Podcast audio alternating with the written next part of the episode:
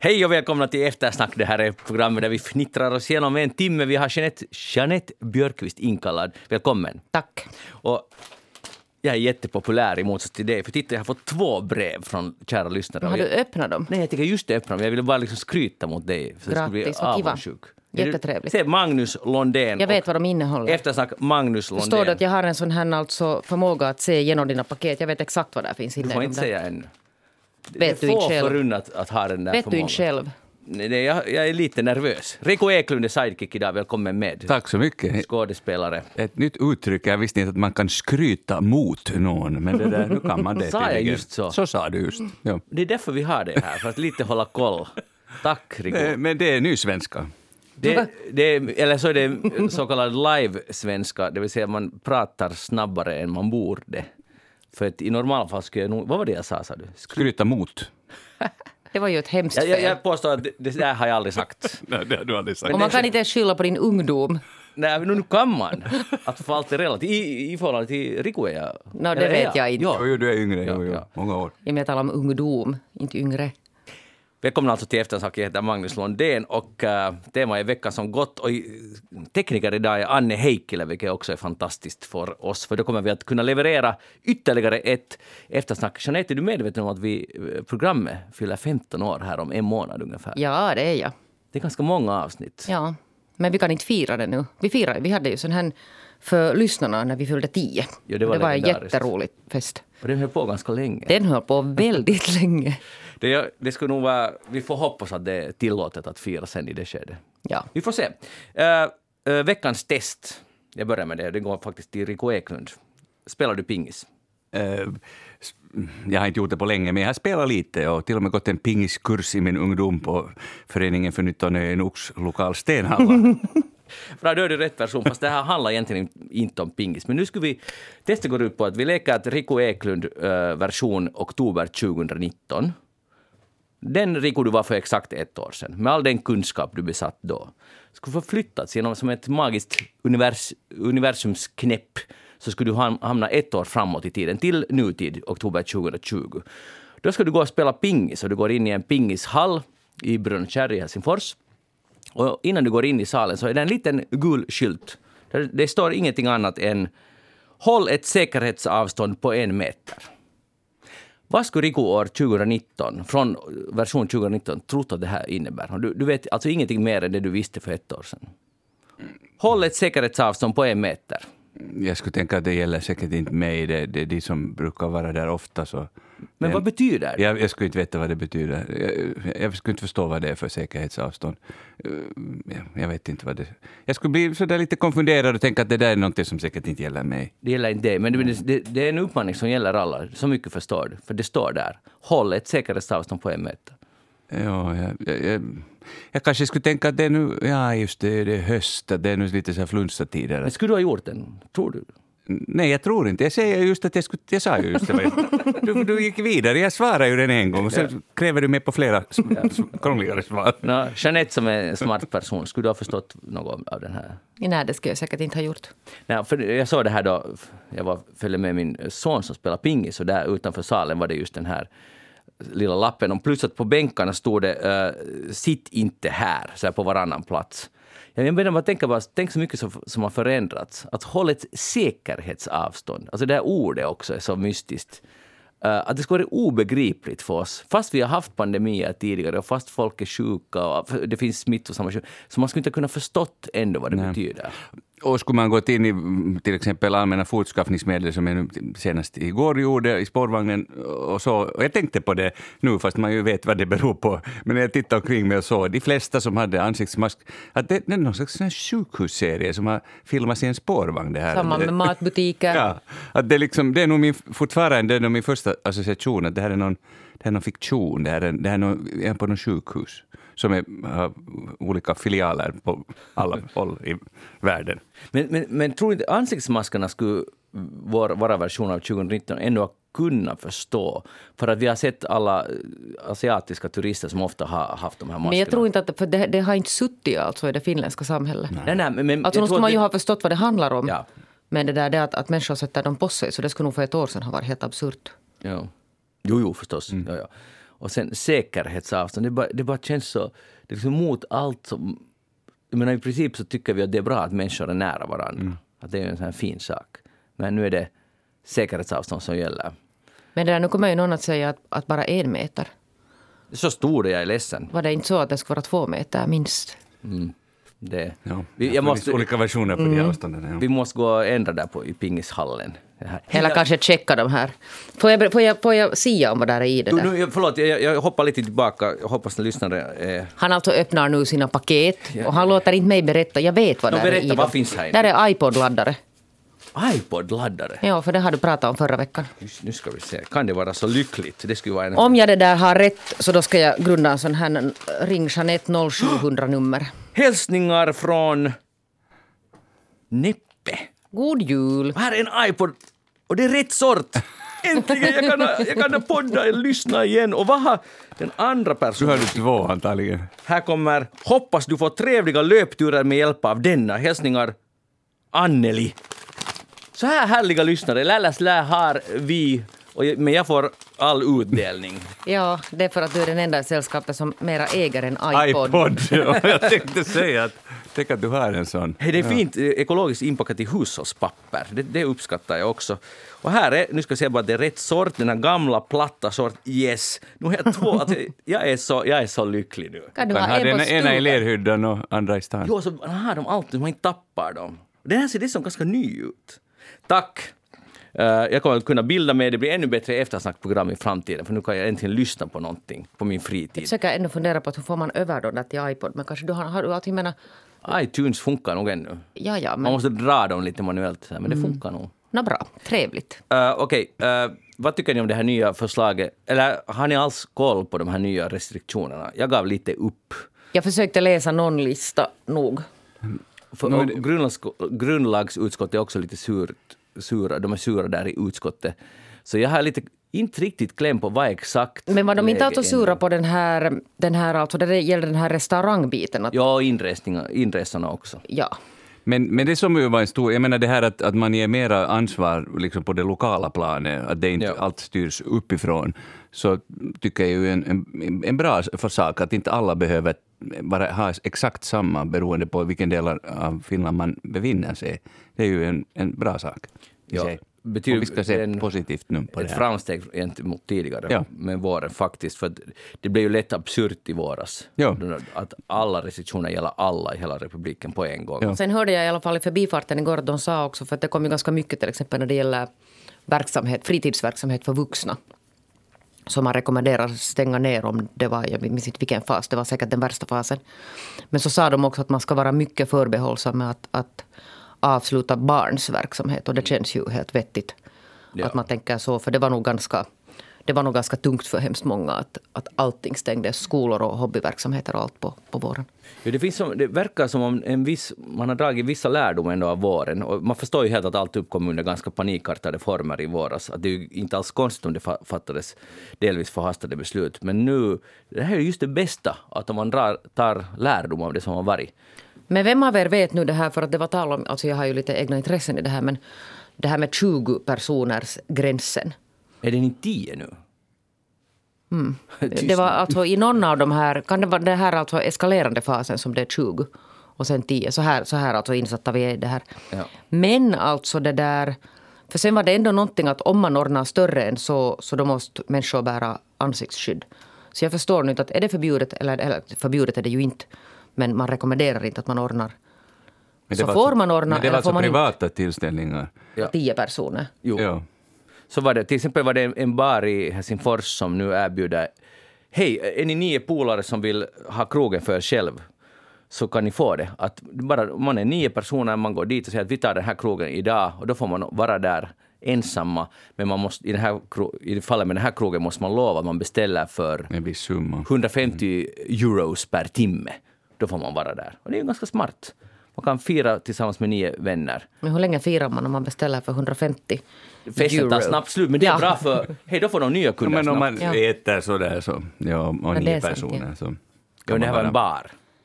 Nej, men nu finns det säkert något smått man kan Jag tyckte det var- också Man Man måste äta ganska mycket nötter om man ska få liksom mycket 150 och gå på nio De pers. brukar vara i proportion ganska dyra nog. Ja, det sa, har ni tänkt på den, den här lilla påsen nötter, hur svindyrt det är?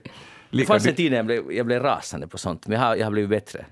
Är du fortfarande i den fasen? Nej, jag har aldrig varit i den fasen att jag blir rasande på det där. Jag tycker nu att, att de måste ju få sina inkomster någonstans. Ja. Där. Och av nötter, ja. Om man vill ha nötter nödvändigtvis just då så kan man då få betala lite för det. Men en sak som jag är lite sur på är nog eh, En annan sak alltså. en, annan sak med, en annan sak som jag är lite sur på när det gäller krog. Men nu är det ju inte läge att vara sura på krogar överhuvudtaget. Men före corona, de här priserna på lite bättre öl. Att, att, de har, att, det, att det går liksom enkelt genom att en öl kan kosta 11,90 eller 10,90 bara för att den, det är inte helt vanliga Sandels. Det tycker jag är lite, det, blir, det är ganska hårt ekonomiskt att vara på krog.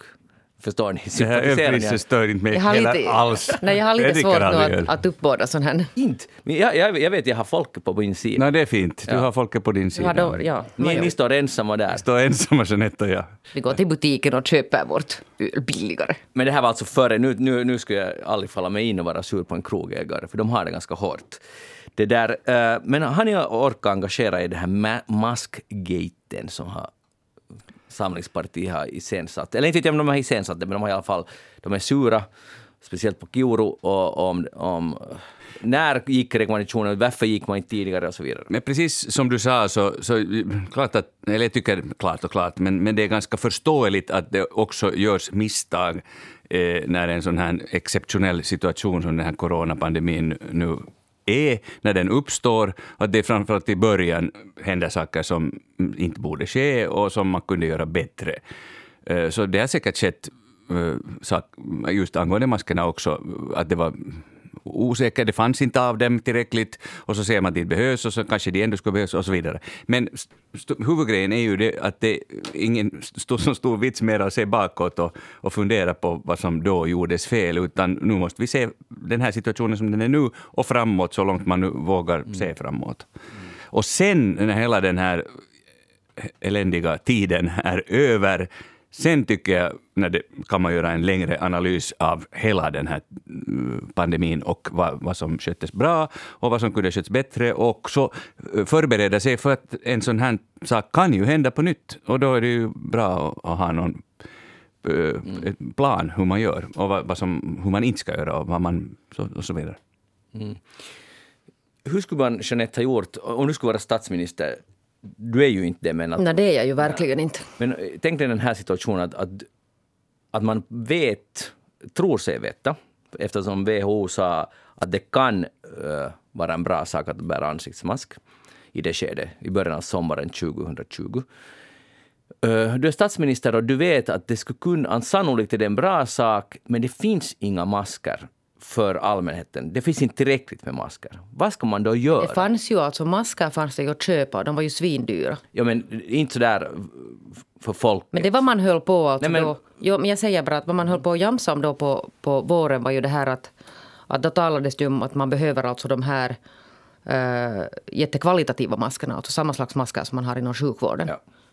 Och det var ju de som det alltså inte fanns på. Nu fanns det ju de här engångsmaskerna som människor går omkring Fanns det engångsmasker tillgängliga? För jag tycker att hela Jo, men de på att- allt och de kostar jättemycket. Men alltså det var den här, vad jag nu förstod på våren, alltså jag var ju på något sätt engagerad i eller jag var inte engagerad, det har jag faktiskt inte varit, men, men på något sätt utsatt för den här maskdiskussionen i mina sociala medier. Så att de ville ha alltså en rekommendation för att det på något sätt den här kostnaden skulle ha fallit på att, att om det kommer en jätteskarp rekommendation om de här maskerna så måste staten på något sätt stå för dem. Det var väl där det liksom Där skon klämde. där skon klämde.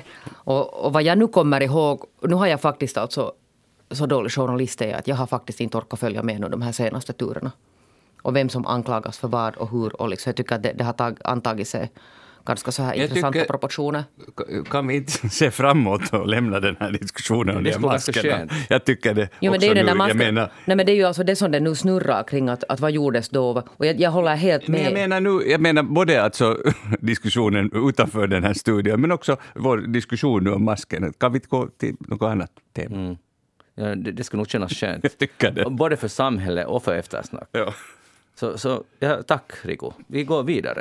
Mm. Där, eh, Spotlight här på Svenska Yle gjorde en fin granskning om, om de här gränskontrollerna i torren. Det här handlar också om efterspel av kor corona, men jag tycker att det är viktigt. Mm. För det här tycker jag är mycket viktigare än, än att käbbla nu om de här maskerna. Uh, uh, och det, det här att gränsbevakningen uppe i Tornedalen hade varit lite hårdför, hårdför ibland och satt någon, någon i handklovar och så vidare. Och, och, det är inte något enormt fysiskt, o, fysisk orätt som har skett, men det säkert har varit obehagligt. Men, men att när folk har velat resa ut ur Finland eller till, in i Finland tillbaka så har gränskontrollen varit extremt sträng i vissa fall. Och, de, och det som jag tycker är intressant här, att de säger så här uh, ett ögonblick. Ja, det har ju varit regeringens vilja att minska gränstrafiken, så då har vi försökt på det här viset, det vill säga genom att vara väldigt stränga. Samtidigt har, har varje finländsk medborgare rätt att åka ut ur landet och alltid rätt att komma in i landet. Men förstår ni det här att man skyller på någon annan, att man glömmer medborgarnas rättigheter. Men säger, jo, men regeringen vill att vi ska lite förhindra det här. Och så ser man, bortser man från grundrättigheterna. Och det kan inte gränsbevakning syssla med, oberoende vad, vad en statsminister säger. Så måste man ju ändå alltid följa medborgarnas rättigheter. Det är det viktigaste, viktigare än vad statsministern påstår, eller eh, hur man uppfattar regeringens vilja. Så det är ganska allvarligt egentligen det här. Och igen att man alltid skyller uppåt. Men inte skulle jag tänka själv att jag fick den här ordern. Det fråntar ju alltså ingen ansvar. Man kan ju aldrig ja. alltså det där, för att, för att i en befattning så, så lyder man ju under vissa lagar och man ska kunna alltså den tjänstens lagar. Precis. Och då kan man inte alltså, om man till exempel får en order som bryter mot lagen, mm. så då ska man inte ta den ordern, utan då har man ju liksom ett tjänsteansvar där också. Och det här är inte ett land där man blir avrättad för att inte lyda statsministern, så då, då ska man fast skriva en insändare i Hesari och säga att att det här är nu lite paradoxalt, att uh, de ber att vi bryter mot lagen. Att vad ska ja, eller göra? kontakta till exempel statsministern. statsministern. Ja, det kanske skulle vara bättre. Mm. Ja, jag håller helt med. Det instämmer. Men, men det är också en sak, alltså man borde, eller inte borde, det görs säkert, alltså att man, man samlar alla de problematiska situationer som uppstår under den här coronatiden för att kunna sen eh, penetrera och fundera och analysera vad som har mm. gått bra och vad som har gått mindre bra. Samtidigt måste man komma ihåg att och att det är lite rörande, jag menar nu på ett positivt sätt rörande, att de problem som har uppstått, att någon har några timmar varit, eller det var absolut inte några timmar, men har hamnat i handklovar eller, det heter väl inte handklovar egentligen på svenska? Handbojor. Bojor. Heter det så? Fäng uh, Nåja, ni vet vad jag menar. Ja. Käsiraudat. Uh, ja, exakt, tack. Så, så det där, det är ju inte ett jättestort problem, men det visar just på det sättet hur fint samhälle vi har, att det blir en grej av det. Och så ska det vara i ett fritt och öppet och demokratiskt samhälle att, att de kan inte göra så här. Och att det blir en grej att till exempel Spotlight granskar det. Och det, det, det blir man ju lite stolt över. Men den där diskussionen skulle kunna vara större, som du sa. Att, ja. att jättemycket fokus på, på saker som ibland känns kanske lite irrelevanta när det finns alltså riktigt stora oförrätter som har begåtts. Så är det. Det där pepparspray har ju varit nu aktuellt i över en vecka här i Finland. Säkert tidigare också. Det var en demonstration där på Kaisaniemigatan och också Unionsgatan i Helsingfors. Och där Helsingforspolisen sen avlägsna försökte avlägsna och bar iväg några demonstranter som helt enkelt förhindrade trafiken att löpa. Och sen när uh, de insåg att de inte nu orkar bära bort alla demonstranter så sprayade de med pepparspray. De flesta av oss har säkert sett de här videorna. Och nu mina frågor, och det här efterspelet fortsätter nu hela tiden. Uh, hur förhåller ni er till den här situationen. Det var alltså delvis en laglig demonstration, men delvis så att säga olaglig. De hade inte meddelat att de tänker sätta sig på Kaisaniemigatan och förhindra trafiken. Det hade de inte meddelat i förväg. Men utöver det, hur förhåller ni er till det här? Riku? Um alltså sådana metoder som pepparspray, så de ska ju användas alltså i yttersta nödfall, så att säga. Och, och det var ju, enligt vad jag nu har uppfattat saken, den här situationen inte en sån ännu.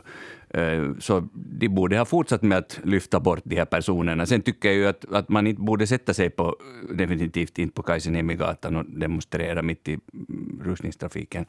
Uh, utan man borde demonstrera där bredvid. Eller då ska man meddela, men det skulle man ju inte få tillåtelse till heller.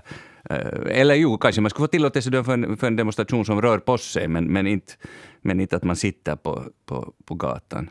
Det var de ville demonstrera för eller mot var att, det inte klimatkrisen inte tas på allvar och ville att det ska ske någonting, konkreta handlingar ska utföras nu. Det var deras slagrop. No, på det sättet lyckades de att de fick ett otrolig uppståndelse. eh, Då, så att säga. In, alltså utan det här pepparsprayen skulle de säkert inte, inte fått samma uppståndelse. Så att, eh, polis, sen blev det- polisen gjorde f- fel, men samtidigt på ett sätt gav de dem mera synlighet. Jo, men diskussionen har ju nog sen kommit att, att handla om polisens Agerande, Som ja. bruk av- Ja. Ja. av maktmedel. Vad tycker du Jeanette? Nå, det där, man tittar nu på bilderna så ser det ser ju inte bra ut. Nej, men vad tycker du? Nå, jag tycker att... Jag tycker att de överdrev. Men jag är ju ingen laglighetsgranskare. Det kommer ju alltså att behandlas och granskas alltså omständligt nu det här. Att begick de alltså ett helt så här tjänstefel? Och vem var i så fall skyldig? Men, men inte ingår det ju i det finländska samhället att polisen pepparsprayar människor som inte gör något motstånd. Så enkelt är det tycker jag. Och sen vet jag att det finns jättemånga som står på polisens sida och tycker att de här demonstranterna kan skylla sig själva. För att, för att polisen under en stund där försökte alltså diskutera och, och övertala dem och till och med alltså bära iväg dem. Och de gick tillbaka, har jag förstått. Så då tycker de att det var helt rätt av polisen. Vilket jag tycker kanske att det är lite skrämmande att man anser att polisen så där bara sen eh, kan gå till angrepp med pepparspray. Det är inte några roliga grejer det här med pepparspray. Dessutom läste jag en, en artikel idag i någon finsk tidning där det stod att den här Helsingforspolisens bruk av Eh, pepparspray och sen alltså att de tar fram vapen har ökat alltså dramatiskt de här senaste åren. Ja, inte var det dramatiskt. Svenska Yle hade också granskat det. Eller Yle hade i alla fall granskat det. Och jag tycker inte, alltså visst, pepparspray hade ökat, men någon annan metod hade minskat och så vidare. Men tydligen, de, polisen hävdar att det är allt fler motstånd mot polisen. Och, därför, och det innebär att de måste ta till pepparspray eller till vapen eller till någonting för att få sin vilja igenom. Och det kan, vara, det kan alltså alldeles väl stämma, men den här, just den här demonstrationen, så det var ju inte ett exempel på det. Nej, men vad ska man, alltså, jag tycker att det här är superintressant. eh, i, Men alltså jag säger bara att, Men- vad, ja. nej, att vad som hände sen efter det här. Alltså De pepparsprayade dem och sen efter det så bar de iväg dem. Och sen, sen det där tog de fast en, en massa människor. Ett femtiotal tror jag Ja, så att, att där liksom, där, den här pepparsprayen där blev lite onödig för att, för att de hänvisades, de hade ju gjort en sån här snabb utredning själva där de hänvisade till att de här var envisa och sen till att de hade bråttom. Alltså att, att, att den här demonstrationen och den här liksom sittande på gatan band en massa polisresurser när de skulle ha haft brådskande ärenden att sköta. Och det slutar med att de, ändå, de flesta måste de ändå bära därifrån. Ja, och föra iväg. Så att, att de skulle, då, varför, varför tog de den här pepparsprayen då? Men de kanske hade tänkt sig att med pepparsprayen så stiger människor frivilligt åt sidan och Ja, bort. men sen var det ju sån här, alltså, det hade ju såna situationer också att många av de här var ju unga. Att de sen hade börjat, alltså de hade vattenflaskor och försökte skölja sina ögon och då tar de vattenflaskorna av dem också. Att man inte får sitta. Att, att vill de gå och skölja sig så måste de gå bort från gatan. Att, att, att liksom, där är så många saker som inte på riktigt ser riktigt bra ut nu.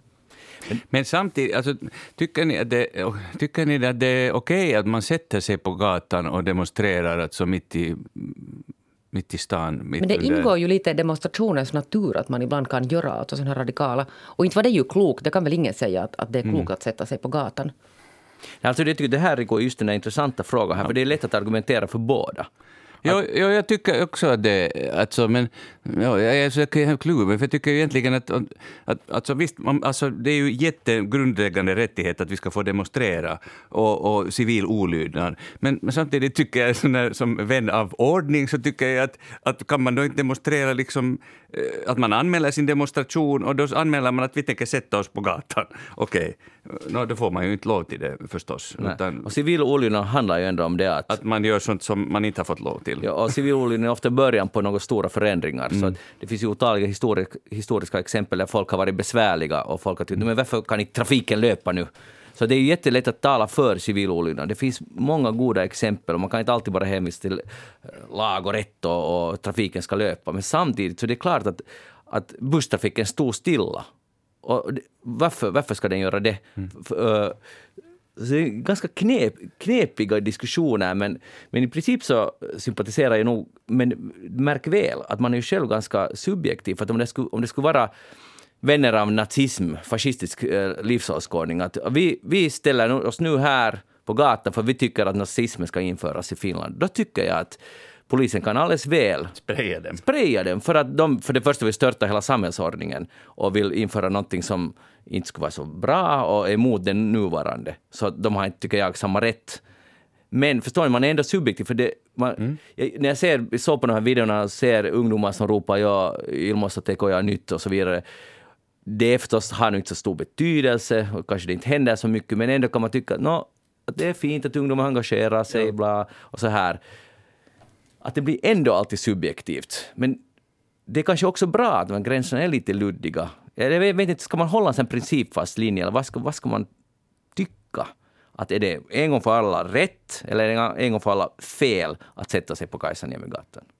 Men är det alltså det som är den här stora frågan, att får man sätta sig på Kajsaniemigatan eller är det det att när man sätter sig där så får polisen pepparspraya en? Det är ju den här B, alltså Ja. mm. att får man pepparspraya när man sätter sig på. Jag tycker det ser, alltså, på det, Jeanette, att om vi tar bilden, vi ser poliser, stora poliser sprayar på 20-åringar eller yngre som sitter helt fredligt på gatan. Så det ser hemskt dåligt ut. Det ser inte ut som det samhälle som jag tror att vi alla vill ha. Att det, det, där, är inte, det där är inte bra. Men, Men sen, de provocerar ju också fram en reaktion av poliserna. Nu, de ville ju att polisen ska göra någonting. Nu förstår, inte de är dumma. Nu förstår de att om vi sätter oss här så kommer polisen att göra någonting. Och det är det de vill. De fick ju full uppmärksamhet som Rico sa. Men det, där, det här ska ju alltså nu prövas helt sådär i, av människor som på riktigt kan de här sakerna. Jag tycker att det blir jätteintressant att veta att vad kommer man fram till här. Ja. Alltså det handlar ju om helt juridiska tolkningar. Att vad får man göra i det här landet? Och vilken alltså makt ger vi till exempel åt polisen? Och det förstår jag. Jag förstår alltså sådär ur ett helt liksom praktiskt perspektiv. Så förstår jag att inte det är säkert lätt att vara den här polisen som leder den här operationen och ska fatta ett beslut och stå där och bara liksom vill ha det här bort. Men det, där, det betyder inte att man kan göra vad som helst. Ja. Vi måste vänta på resultatet. Vi får slita på det här granskas. Det, det här är ju igen ett exempel på att i mångt och mycket är det här landet relativt fungerande faktiskt. Att någon, nu ska det utredas det här. Att, har polisen rätt att göra så där? Jo, och sen, kommer det allt, sen när de kommer fram till ett svar så kommer människor att vara av helt olika åsikt. Att gjordes det en ordentlig utredning eller gjordes det inte beroende på utfallet? Ja, ja, men jag tänkte sen ännu på den saken, jag ska också, också, också kluven med det, att jag tycker det är på ett eh, fint att, att sådana här demonstrationer görs, också under de här undantagsförhållandena som det är nu. Men samtidigt är det ju på ett sätt fel. Där sitter man, och det, de blir ju förstås, polisen måste ju ta i den, komma jättenära. Jag jag menar, alla sådana här säkerhetsavstånd går ju inte att hålla för någon. Alltså, det är lättare i pingishallar. Varken för demonstranter eller för polisen. Så att, ja, jag är kluven som ofta. Men jag, jag tycker inte att, att det här var nog en ganska liten emotion. Den här coronaaspekten tycker jag är helt oväsentlig i den här frågan. Faktiskt. Och sen måste jag nog säga att det där, var det du Riku som sa att, att de fick ju i alla fall mer uppmärksamhet än vad de skulle ha fått. Men jag tror inte att den här saken har nog inte fått särskilt mycket uppmärksamhet. saken får inte... För nu, det är nog en helt annan Nej, nej det, det, det har inte varit mycket tal om alltså klimatförändring och det som de demonstrerar för det hade inte nästan alls diskuterats utan uh, just uh, polisens roll vi gick i samma och fälla. demonstranterna. Och vi gick i samma fälla, ja. Jeanette Björkqvist, vad har du tänkt på den här veckan? Hörde, jag har tänkt på sådana här, sån här riktiga alltså vardagsproblem. Nämligen det där, äh, vet ni sådana parkerings, sådana vad ska man kalla dem, sådana ockupanter. Parkeringsplatsockupanter. Nej, det vet jag faktiskt jag har råkat ut för alltså ovanligt många. Jag vet inte om det är något som är på gång i samhället. No, det är det här alltså att när man ska åka till matbutiken och storhandla med sin bil. Och så kör man till något ställe där det finns så där begränsade mängder parkeringsplatser. Och då vet alla som är där, som har kommit med bil, att då brukar man vara ganska noggrann med att man borde så där i princip fara ganska snabbt bort därifrån. Och ge plats alltså åt nya människor. Men så finns det alltså en sån här kategori människor som, som sitter och pantar på sin parkeringsplats. Det att de har på bilen så ser de, aha, där kommer en annan som nu skulle vara på väg hit. Så åker man inte bort. Aj, man jäklas. Man jäklas. Man blir liksom där och äger den här parkeringsplatsen. Och Men är, är motorn liksom på? Nej, men det är ju det som är... Ja, motorn är på så där att man är på väg. Och sen till exempel det händer då så att Magnus, du, du står där alltså på, på den här som jag vill ha. Och jag ser att du är på väg bort. Så blir jag där och väntar och så säger du, aha, nu är Jeanette där. Jag tänker inte fara någonstans. Ja, just det. Så blir du alltså där och sitter tills jag alltså ger upp och kör iväg. Och sen ger du den här platsen. Alltså det här är den här typiska alltså. Jag har varit med om det där, men jag har faktiskt en ganska naiv... Jag har alltid tänkt att det var inte ingen jävlas, utan det var någonting de måste göra där i bilen. Det skulle man kunna tro tills man det där börjar lite betrakta de här människorna. För att jag har märkt alltså nu ganska ofta att, Att det är inte så vet du, att man skulle sitta till exempel och göra sin skicka något texter eller något sånt här. Utan man bara sitter där på något sätt och äger. Jag tror att det är någon viss kategori människor som, som har Hurdan- det här i hurdan- sig. vilken någon sån här att de, behöver, att de behöver på något sätt ha en sån här känsla av att de har någon, någon liten mikromakt i vardagen. Ja. Att jag kan nu sitta och hindra de där människorna från att få min parkeringsplats. Riku skakar på Ja, huvudet. ja, jag, jag, Har du aldrig märkt- har du aldrig- Jag har aldrig upplevt det här och jag är helt fascinerad av den här berättelsen för att jag har, jag har närbutiker väldigt nära så det är inte så ofta som jag så att säga inom citationstecken storhandlar med bil så det är väl därför jag kanske inte har upplevt det här men nu har jag nu ändå befunnit mig i sådana här dylika parkeringshus och annat det där. Och så här, du vet de här som är alltså helt proppfulla. Ja, Så att det är sådär att man söker, att man måste söka jag en har aldrig sett parkeringsplats. någon som sitter där och väntar på att Jo, det finns jättemånga. Jag har sett alltså inom den senaste veckan har jag råkat ut säkert tio stycken. Och, och vad är nu din point? Är det liksom att, vem är de eller varför gör de det? En Eller? komplott. Nej, jag tycker det där, alltså min, min, min point är nog det att, att en var skulle kunna rannsaka sig själv. Att är man en sån här parkerings... Ja, jag rannsakar mig nu, jag är inte Nej, du är inte. Jag jag är inte heller. inte jag heller, för jag är jätte alltså snabb. Alltså just uttryckligen för att man vet hur jobbigt det är Ja. när någon söker en parkeringsplats. Tänk så goda att jag vi är. förstår, Nej, jag förstår alltså inte vad den här poängen är med att, att man ska Vä- sitta... Vänta, men nu måste vi analysera. för Du förstår inte poängen, men du har nog vissa aningar. Vad är det som driver en människa att göra så här? Jag tror att man är jätteliten i sin själ Jaha, och behöver det där på något sätt markera makt. Okej. Kanske man lever i ett dåligt äktenskap och så känner man att man har ingen makt där i äktenskapet Alltså, och så måste man sitta och ha makt över sin alltså, jag- parkeringsplats. Förlåt att jag nu tvivlar, alltså jag har ju inte samma då erfarenhet av det, du, av de här hallarna och de här platserna, men på något sätt låter det lite som att du är li- lite paranoid eller lite sådär. Nej. När, man har sett tillräckligt Ursäkta många, när, man- när man har sett tillräckligt många så vet man. Men okej, eh, Att Ser du deras min? Tittar de på dig Jag då? har börjat nu eller? alltså det där titta nog sådär att, att är de på riktigt upptagna eller är de inte när de sitter så kan de sitta en sitta Men du har inte gått fram till någon sån här bil och... Nej och gud så- nej inte vågar jag gå dit, de slår ju en. hur, hur skulle det vara, de slår en, nu har faktiskt en fin bild av våra medmänniskor. Hur skulle det vara om du nästa gång skulle, du väntar ut dem? Men jag har försökt vet du. Ja. Och Men det är alltså- blir fast där en Men det här halvtimme. typiska alltså beteende är det att man blir där alltså och väntar. Man, man kan ju inte stå sen och blockera alltså vet du, om du Det är står ju på en det. sån här väg och så blir det en kö bakom dig för att du står där och väntar och tror att... Exakt, att och det är den här det hela väg. den här terrorn bygger på. Ja, Jag föreslår att nästa gång, genast när du märker det här, då, som då alltid sker, så ofta, så, så kliver du ur din bil fast den blockerar någon annan och så knackar du på fönstret till den här som Och inte frågar, kommer att "Var du slå på dig. Väg?" Ursäkta, Utan att, är ni på väg att texta Ja. igen nu? Länge? ja. Vänligt med ett smil. Du, du kan du ska nog göra. smila. Eller jag tror det åtminstone. Nej, vi ska nu se. Men alltså nu är det så att jag, jag höll faktiskt alltså på att få på käften av en gubbe som höll på att cykla på mig och min dotter för några veckor sedan på Skyttsvägen. Han kom alltså på en cykelväg och vi gick på Skyttsvägen. Och jag tror att det är såna som han som sitter i de här bilarna. Han blev alltså jättearg. Han började skrika att varför går vi framför hans cykel? Och så stannade hans cykel och kom och liksom viftade tills det kom någon förbipasserande bara sa att lugna ner dig nu. Och nu håller de här gubbarna på att klona sig och finns i parkeringshallar. Kom ni från höger eller vänster? Vi kom alltså helt lagligt. Jag visade åt honom, titta här är en skyddsväg, det gäller också dig som cyklist, du väjer. Bra. Det var ju fint Ja, men han blev jättearg. Ja, men det är nu hans problem. Jo, men det var en stund var det mitt problem och mitt barn gömde sig i busken och grät. Oj, Oj, oj. Ja, ja. Så, så tror ni bara gott om alla medmänniskor. Det, det gör vi Inte inte. tror vi bara gott, men det var bara just den här just specifika situationen som lät lite obekant och lite förstorad kanske. Nej, för jag har pratat med ganska många bekanta och folk alltså som använder bil i viss grad Känner känner, här- igen alltså den här. Ja, typen. men det, alltså jag känner nog lite igen det, men jag har, som sagt, det finns ju en annan tolkning. Att det är att de, låt oss, de textar. De, har nu, de måste skriva till sin mamma att jag är nu på väg med maten. Aj, de alla. Ja, alla. Det, det, men det är inte omöjligt. Att, att de, det, ska säga så här, att de är inte alla kanske jävlas, kanske inte just med dig. Det, Eller med någon annan som skulle Ja. vilja ha Tycker du då det är bättre, Jeanette, att den här bilen far iväg och medan han kör, hen, det. förlåt, hen kör, börjar hen eh, skriva ett sms att ska säga man ju- jag det är det snart vill, hemma. Jeanette. Men inte ska man ju köra och texta. Nej, nej, så när ska man texta? Ja.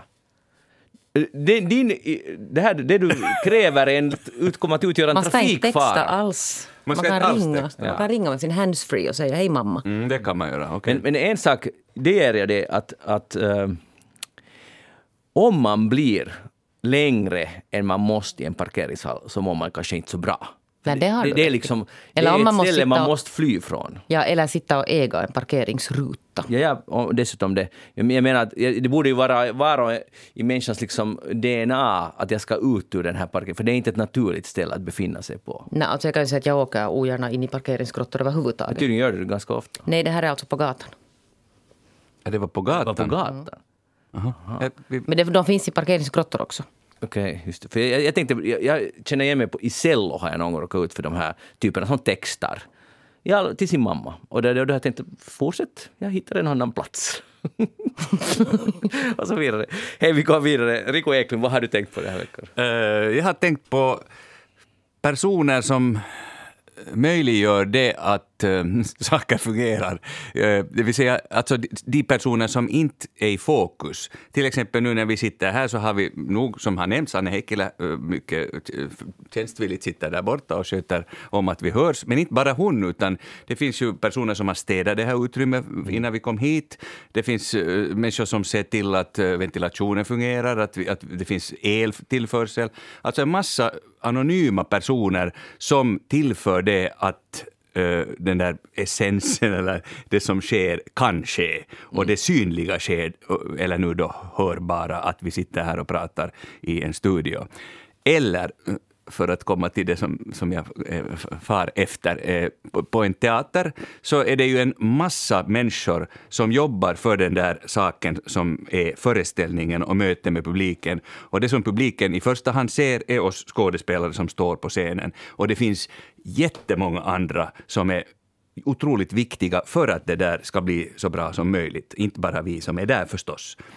Och för en vecka sedan öppnade en utställning eh, på Teatermuseet Helsingfors som ligger i Gräsviken, ett mycket trevligt museum som jag rekommenderar för alla som bor i Helsingfors eller besöker Helsingfors. Där finns tre olika museer, Teatermuseet, Fotografiska och Hotell och restaurangmuseet. Och, på Teatermuseet öppnade en utställning som heter eh, rekvisi, eh, Rekvisitan i huvudrollen, Tarpeisto pääosassa.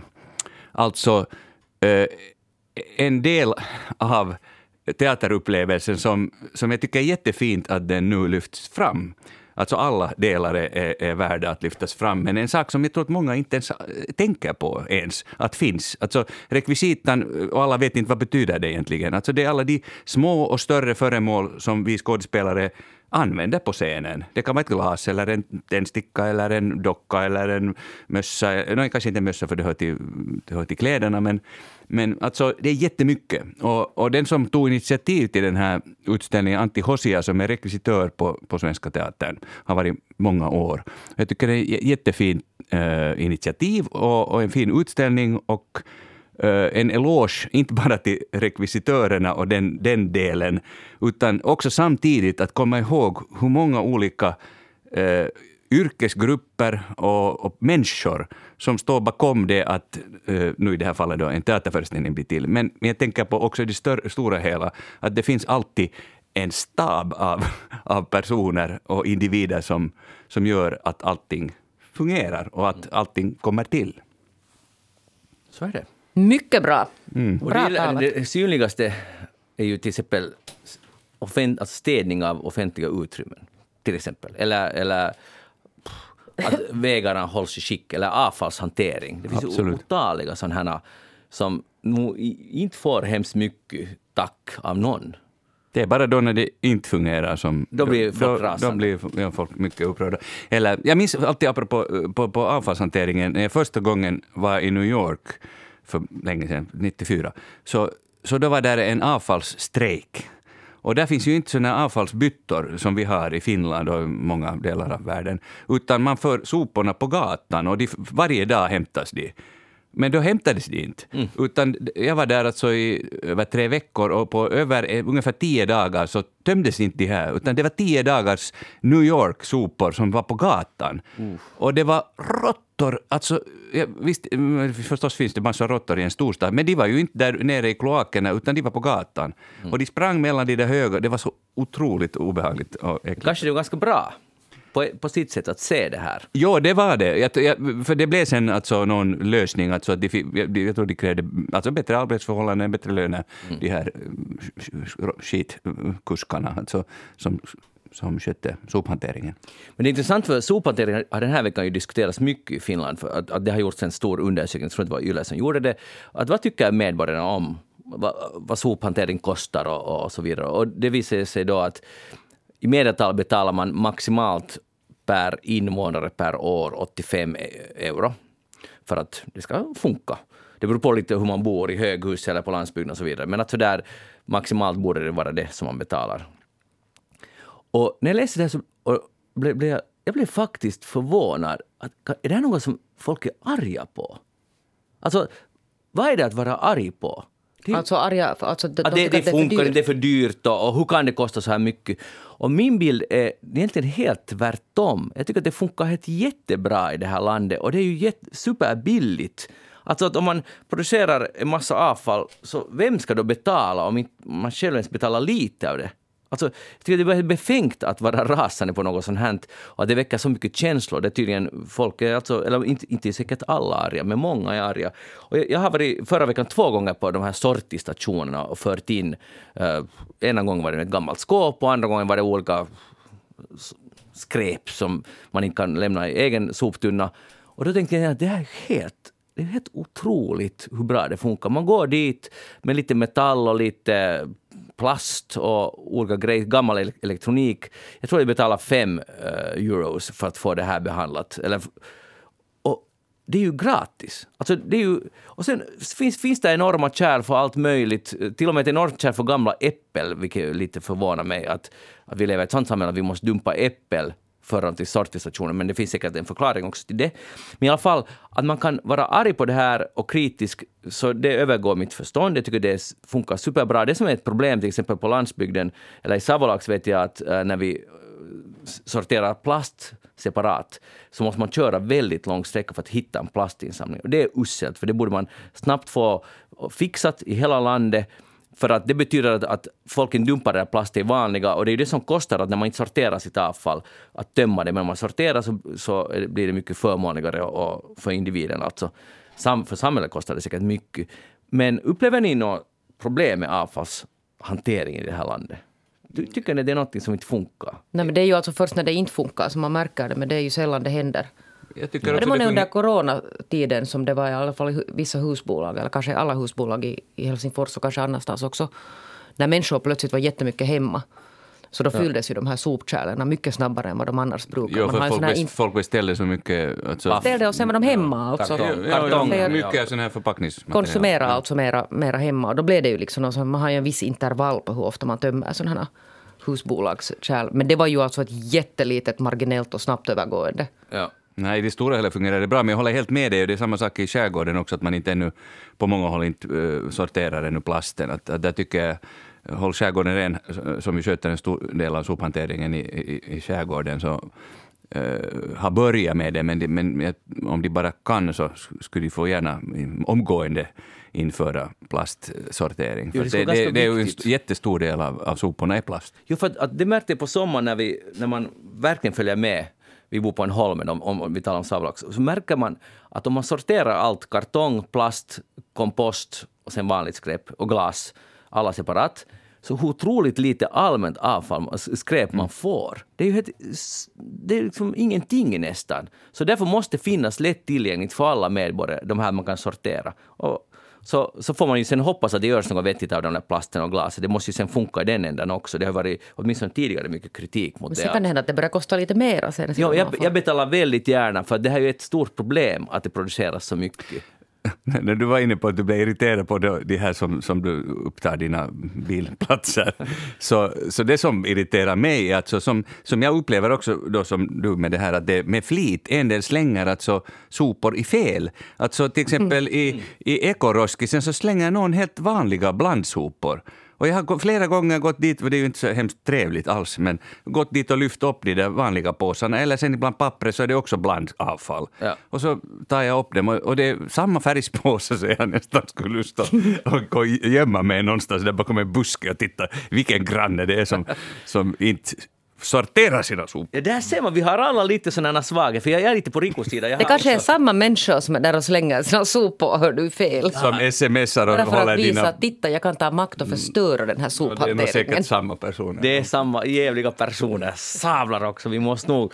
Alltså bara vi skulle få styra, då skulle det bli ordning och Ja, reda. det är nog frågan om. Jag tror Ja. att det är bäst att vi låter den här regeringen nu sitta där. Ja, det kanske är bättre. Jeanette, du har ju haft nu eh, fått mycket uppmärksamhet för din nya bok. De, Men jo, den har kommit Hård ut. mot de hårda. Kovat kadut. Eh, ja. Den har kommit ut den här veckan. Ja. På både svenska och grattis finska. till framgången, det är No, jättefint. tack, tack. Och jag skulle diskutera det här vidare, för jag håller på att läsa den då. eh, och det Jag sa där. ju att du inte behöver läsa den. Nej, men, Jag eh, har läst ett kapitel. i alla Och jag sa fall, att du behöver inte läsa mera. den handlar alltså om en konstapel, Kenneth Eriksson, som är hård mot de hårda. Och, och det där eh, har jobbat... Kriminalkonstapel. Krim, ursäkta, kriminal... Överkonstapel. No, Ja. ja. Okej. Och han är hård mot de hårda och brottslingarna darrar när han kommer och, så- och så vidare. Och eh, nu ska han väl pensionera sig snart, eller hur? Ja, det kanske blir nu sen så där att han slutar jobba i början av december. Han skulle sluta jobba i fjol och sen ska han sluta jobba nu i början av hösten. Men nu har han tagit fast en stor rumänsk människohandlarliga så han måste sköta det till slut nu. Okej. Och, och det har varit Hesari jättestort uppslaget, det kommer att komma i kvällstidningarna. Det Det har- är alltså faktiskt mycket uppmärksamhet, grattis till det. Men jag skulle vilja diskutera den här, ehm, för jag skulle, all, jag säger ärligt, att jag skulle, om jag skulle gå där på eller surfa på någon nätbokshandel, så skulle jag aldrig köpa den här boken. Om det inte står ditt namn där på. För att jag är helt enkelt ganska ointresserad, trodde jag. Och det där, nu har jag börjat läsa den och så jag börjat tycka hmm, det är lite intressant ändå den här världen. Men jag är intresserad av att veta varför du är så intresserad. För du har ju alltid varit, all, allt våld och allt sånt här, de här dystraste sakerna, så, så du, du kan inte bara släppa det. Du Nej. måste... Du alltså måste det var det där, vet ni vad? Och Det var, varför? Jag vet inte, men det var alltså så att, att när jag var liten, så vi hade ju inte så jättemycket böcker i vårt hus. Men mamma och mommo beställde någon sån här allehanda, alltså svenska veckotidningar. Vet ni vad de nu heter? Hemmets veckotidningar. Dam, damernas värld. Nej, Damernas värld fanns inte där, men de här. Och Allers. i dem fanns det ju alltså alla möjliga sådana här noveller och, och grejer. Och, och varje tidning tror jag hade någonting som hette Veckans brott eller något sånt. Mhm. Och det var det jag läste. Ah, ja. Alltså veckans brott, inte de här kärleksnovellerna, ingenting sånt. Utan jag bläddrade så att var det den här kriminalnovellen och sen den här. Ah, så det fanns här när du var alldeles liten? Ja, den här verkliga alltså brottsfallet. Och jag tror att det här alltså på något sätt måste hänga ihop alltså med den här, den här liksom journalistiska nyfikenheten. För att det finns alltså någon viss sån här parallell i det här att man gräver in sig alltså i brottslighet. Och liksom bakgrunder och vet ni, funktioner och, och psykologiska förklaringar. Eller det att man tar reda på annat. Att det, det måste vara någonting som går parallellt där. Som nu alltså du har missat då, du är ju också journalist. Nej, alltså faktiskt, eh, jag, har, jag var... Jag tänkte tala om det, men jag tror inte vi kommer att hinna. Men jag var och hajkade med min son i Hyvinges äh, åsar och hemliga små kärnar låg vi där. Och, och det där, då på morgonen läste jag länge i din bok och då tänkte jag... Jag hade en sån här teori och det här är jag glad, jag är glad att du nu... Äh, intressant att du nu bekräftar det lite, för jag tänkte att det här påminner... Hans jobb påminner ju lite om journalistik. Det påminner jättemycket alltså om det. och den där att man vill veta hur det förhåller sig och, och ett mysterium finns och någon försöker dölja det. Det är det ganska mycket paralleller. Så att där såg jag, så du, du bekräftar det här, det är Ja. ungefär den saken. Men samtidigt, du, du, du har själv sagt att du läser endast sådana här blodiga deckarböcker. Ja, det är nog tyvärr så alltså, att det här ganska mycket psykopatisk alltså, litteratur och sådana här But why? jag förstår inte. Nej, men jag är alltså fascinerad av, av brott. Det är nu bara så. Så där finns någonting men- alltså med människans mörka sidor och såna psykologiska alltså, analyser. Och, ja. Jag, jag tycker jag förstår den här fascinationen, men jag delar lite Magnus. Jag är inte heller själv uh, automatiskt, jag är inte någon sån här deckarvän eller sådär. Uh, men det här ränner jag bara efter, efter ett, ett avsnitt av den här. Jag kommer definitivt att läsa slut den, för jag tycker du, du skriver på ett intressant sätt, som du alltid gör. Och, och jag, jag blev intresserad.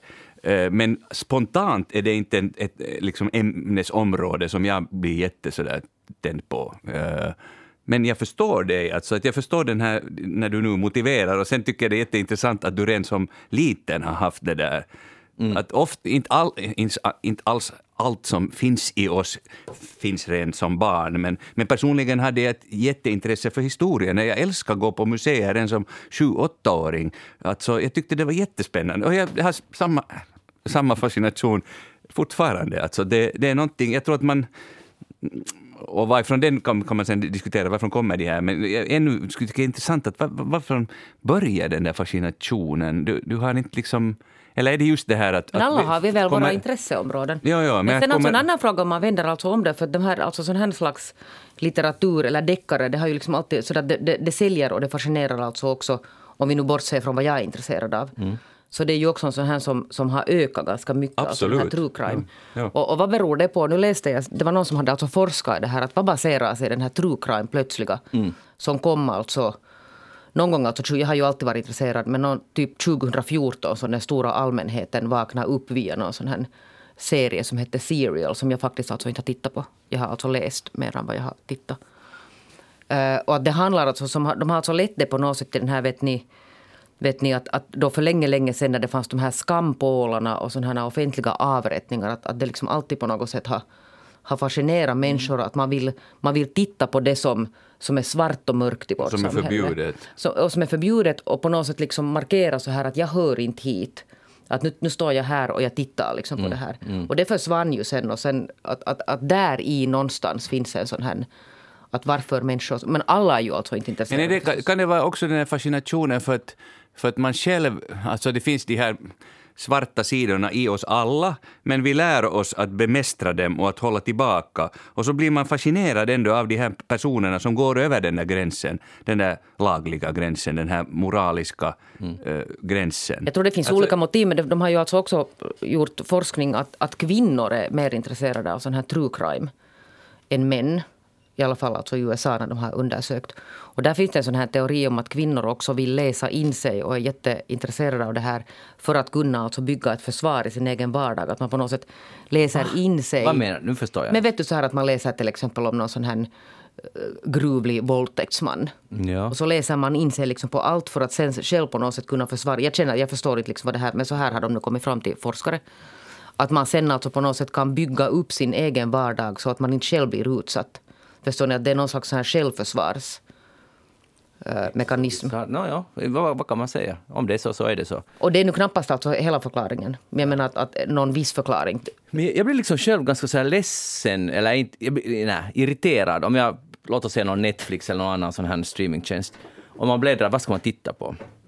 Så det är extremt mycket som är så våldsamt och jag liksom orkar inte med den här ständiga spänningen och den här rädslan hela tiden och, och, och ganska detaljerade, att jag blir störd på det. Jag, jag skulle vilja, det får nu gärna vara lite spännande men måste vara så brutalt alltid. Och det stör mig och jag vet att, att de flesta människor tycker att det är nice för det är ju det som folk tittar Men du på. menar så här gangsterfilmer och sånt? Nej men gangster... Inte, Nej, men det här med att man här- skjuter ihjäl varandra och sån här jättemycket action. Nej, men det är ju ofta så här, de är ju ganska skruvade de här thrillers som nu är jättesmart skrivna och, och skickligt gjorda och så vidare. Men de är liksom för spännande och för våldsamma. Det är bara vad jag tycker. Alltså jag är ju helt ointresserad av sådana här våldsserier. Alltså sådana här att man bara liksom smashar på varandra och sen flyger alla och dör. Mm. Det tycker jag att är helt ointressant. Det är mycket intressantare om det finns alltså någon sån här, sån här eh, psykologiska alltså draman och svåra tekniska utredningar och sånt. Det som, är, eh, som jag blev intresserad när jag läser din bok är det att jag blir intresserad av de här människoödena. Och Just det här att... Jo, jag vet, du textade åt mig dit från skogen. Ja, Vad det. hände Juska? Jag sa att "Nå, det visste jag nog inte. Nej, för jag blir så att vad händer sen? Någon människa som, det är därför det är intressanta skildringar att hur de, de här relationen mellan polisen och, och skurken då. Förr i Och- världen. Förr i världen, ja. Förr, det är ju det som är en del av poängen. Och då blir det att, för det första, hur hamnar man in på brottets väg och vad händer sen? De får åtta, åtta års fängelse. Vad händer sen? Och, och, Eller de fick, man får inte såna straff så lätt nej, för tiden. nej, nej, okej. Och de har gjort hela sina kupper i ett heroinrus. Och det, är- det är ganska intressant, en- den här världen nog som jag nu inte känner till så väldigt bra. Så på det sättet tycker jag det är intressant. Men jag blir också intresserad av människoöden. Hur blev man det man blev? Vad hände sen? Och allt det där. Och det kan du inte allt få in i en sån här bok. Men det, men det tangerar ju nog det. Och jag tycker det är spännande. Några gjorde jag utredningar på vad som hände med dem sen efter. Okej. M- Men det här visar, tycker jag, det igen att man måste vara försiktig med att bestämma bokhyllan vad man ska läsa och vad man inte ska läsa. För att jag, som sagt, jag skulle aldrig ha läst den här. Nu är jag glad att jag håller på att läsa den, för jag öppnar sig en ny värld som jag nu har varit lite så här ointresserad av. Och det gäller ju egentligen då i så fall allt. Till exempel läste jag en sån här, i somras en sån här feelgood bok och nu är jag jätteledsen, jag kommer inte ihåg författarens namn, men uh, utspelar sig i Kaskö och om, om en kvinna som renoverar ett hus. Jag skulle aldrig någonsin läst den boken, men jag fick den. Så jag tänkte jag läser den här boken, en finlandssvensk bok. Och nu är jag jätte, jag måste vara till Kaskö och checka hur det är, livet är i Kaskö. Vet att, att, att det är igen det där, man kan inte gå enligt sina fördomar, man måste bara läsa det där, det som erbjuds och ta slumpmässigt. Häng, förstår ni? Ja. Det går inte så bra för Kaskö. Nej, det går, Inte det ännu, går men säkert Magnus inte så har inte ännu, han har börjat först engagera sig i det här ser du. Mm. Det där, uh, saknar ni flygmat? Verkligen inte, och jag kommer inte att det där beställa, vad man skulle få beställa Man fick flygmat beställa nu av fi- finnars flygmat, var det inte så? Ja, men, Men det är ju helt bisarrt alltså, för den lär vara mycket mer saltad än vanlig mat för att man inte känner smaken lika bra där uppe i. Ja, vi har talat om det här i eftersnack, men nu har det i Singapore Airlines har dragit det här ytterligare vidare. Och det här uppskattar jag, för man måste hitta på nya lösningar i coronatider. Nu är det så att man för uh, ungefär 300 euros, lite mer till och med, så får man första klass man, man tar sig till ett flygplan som står på marken och så blir man serverad flygmat av riktiga flygvärdinnor. För, bo, bortsett från den lilla detaljen att flygplanet står på marken, marken. hela tiden. Så äter man, man får se på eh, bio och så går man hem. Man köper en biljett, men man lyfter aldrig. Det finns också ekonomi som är billig, klart billigare. Och nu min fråga till er, är det här något ni skulle satsa på? Nej! Va? Men det där bra, alltså bra sån här företagsamhet. Jo! Det är det, det är det, men det är absurt. Och tänk Alltså, så ekologiskt. Men det Flyga är utan sant. flyga. Nå, det är ju, men... Ja, Tänk om människan skulle nöja sig egentligen med sånt. Hej, att ni får all upplevelse men mycket mindre effekt på miljön. Men, men det där, jag undrar om inte majoriteten ändå flyger för att komma någonstans och inte bara sitta på det eff- effekterna flygplanet. på miljön, man ska ju ta sig ut dit till flygfältet och sen är det... men det är marginellt jämfört Det med är flyget. mycket engångsförpackningar, fast det är i första klass kanske det inte- inte är det. Men Ja, det är kniv och gaffel kanske. Men nu kanske de har tid att det där, tvätta de här och diska och inte bara laga såna här aluminium. Men berättar inte något väldigt fint om oss människor? Vår drift att vi vill resa och upptäcka nya världar. Att så mycket att vi är redo att betala Men för att är det inte resa. det som driver folk in och sitta liksom Jag på vet inte. marken? Analyserar och du det? äta någon sån här sönderångade Vad är det grönsaker? som driver? Varför? Nå, inte vet jag vem jag är ju det är inte, utsålt på en halvtimme. Men jag är ju inte på väg dit ser du. Så jag kan inte riktigt nu sätta mig in i deras Rico, vad är det som driver? Varför vill folk göra så här? Man- För att man, vi har behov av att hålla fast i det som vi är vana vid också, att si- sitta i flyget och äta. Tänk så man, alltså den där, hej kan jag få en, en, en GT och så kommer någon med det. Och man, det. Jag tycker det är helt fantastiskt, jag älskar det här. Jeanette Björkqvist, det var härligt att ha dig med idag. Och det finns en risk att vi hörs igen om en vecka här Ja. i studion. Rico Eklund, tack för att du var med här. Det var eh, också en njutning. Jag Och Anne Heikkilä, tack. Anne Heikkilä, tack. Och och jag heter Magnus Lundén och eftersnacket tillbaka igen om en vecka. Ni kan e-posta oss på eftersnacksnabelayle.fi. Hej då!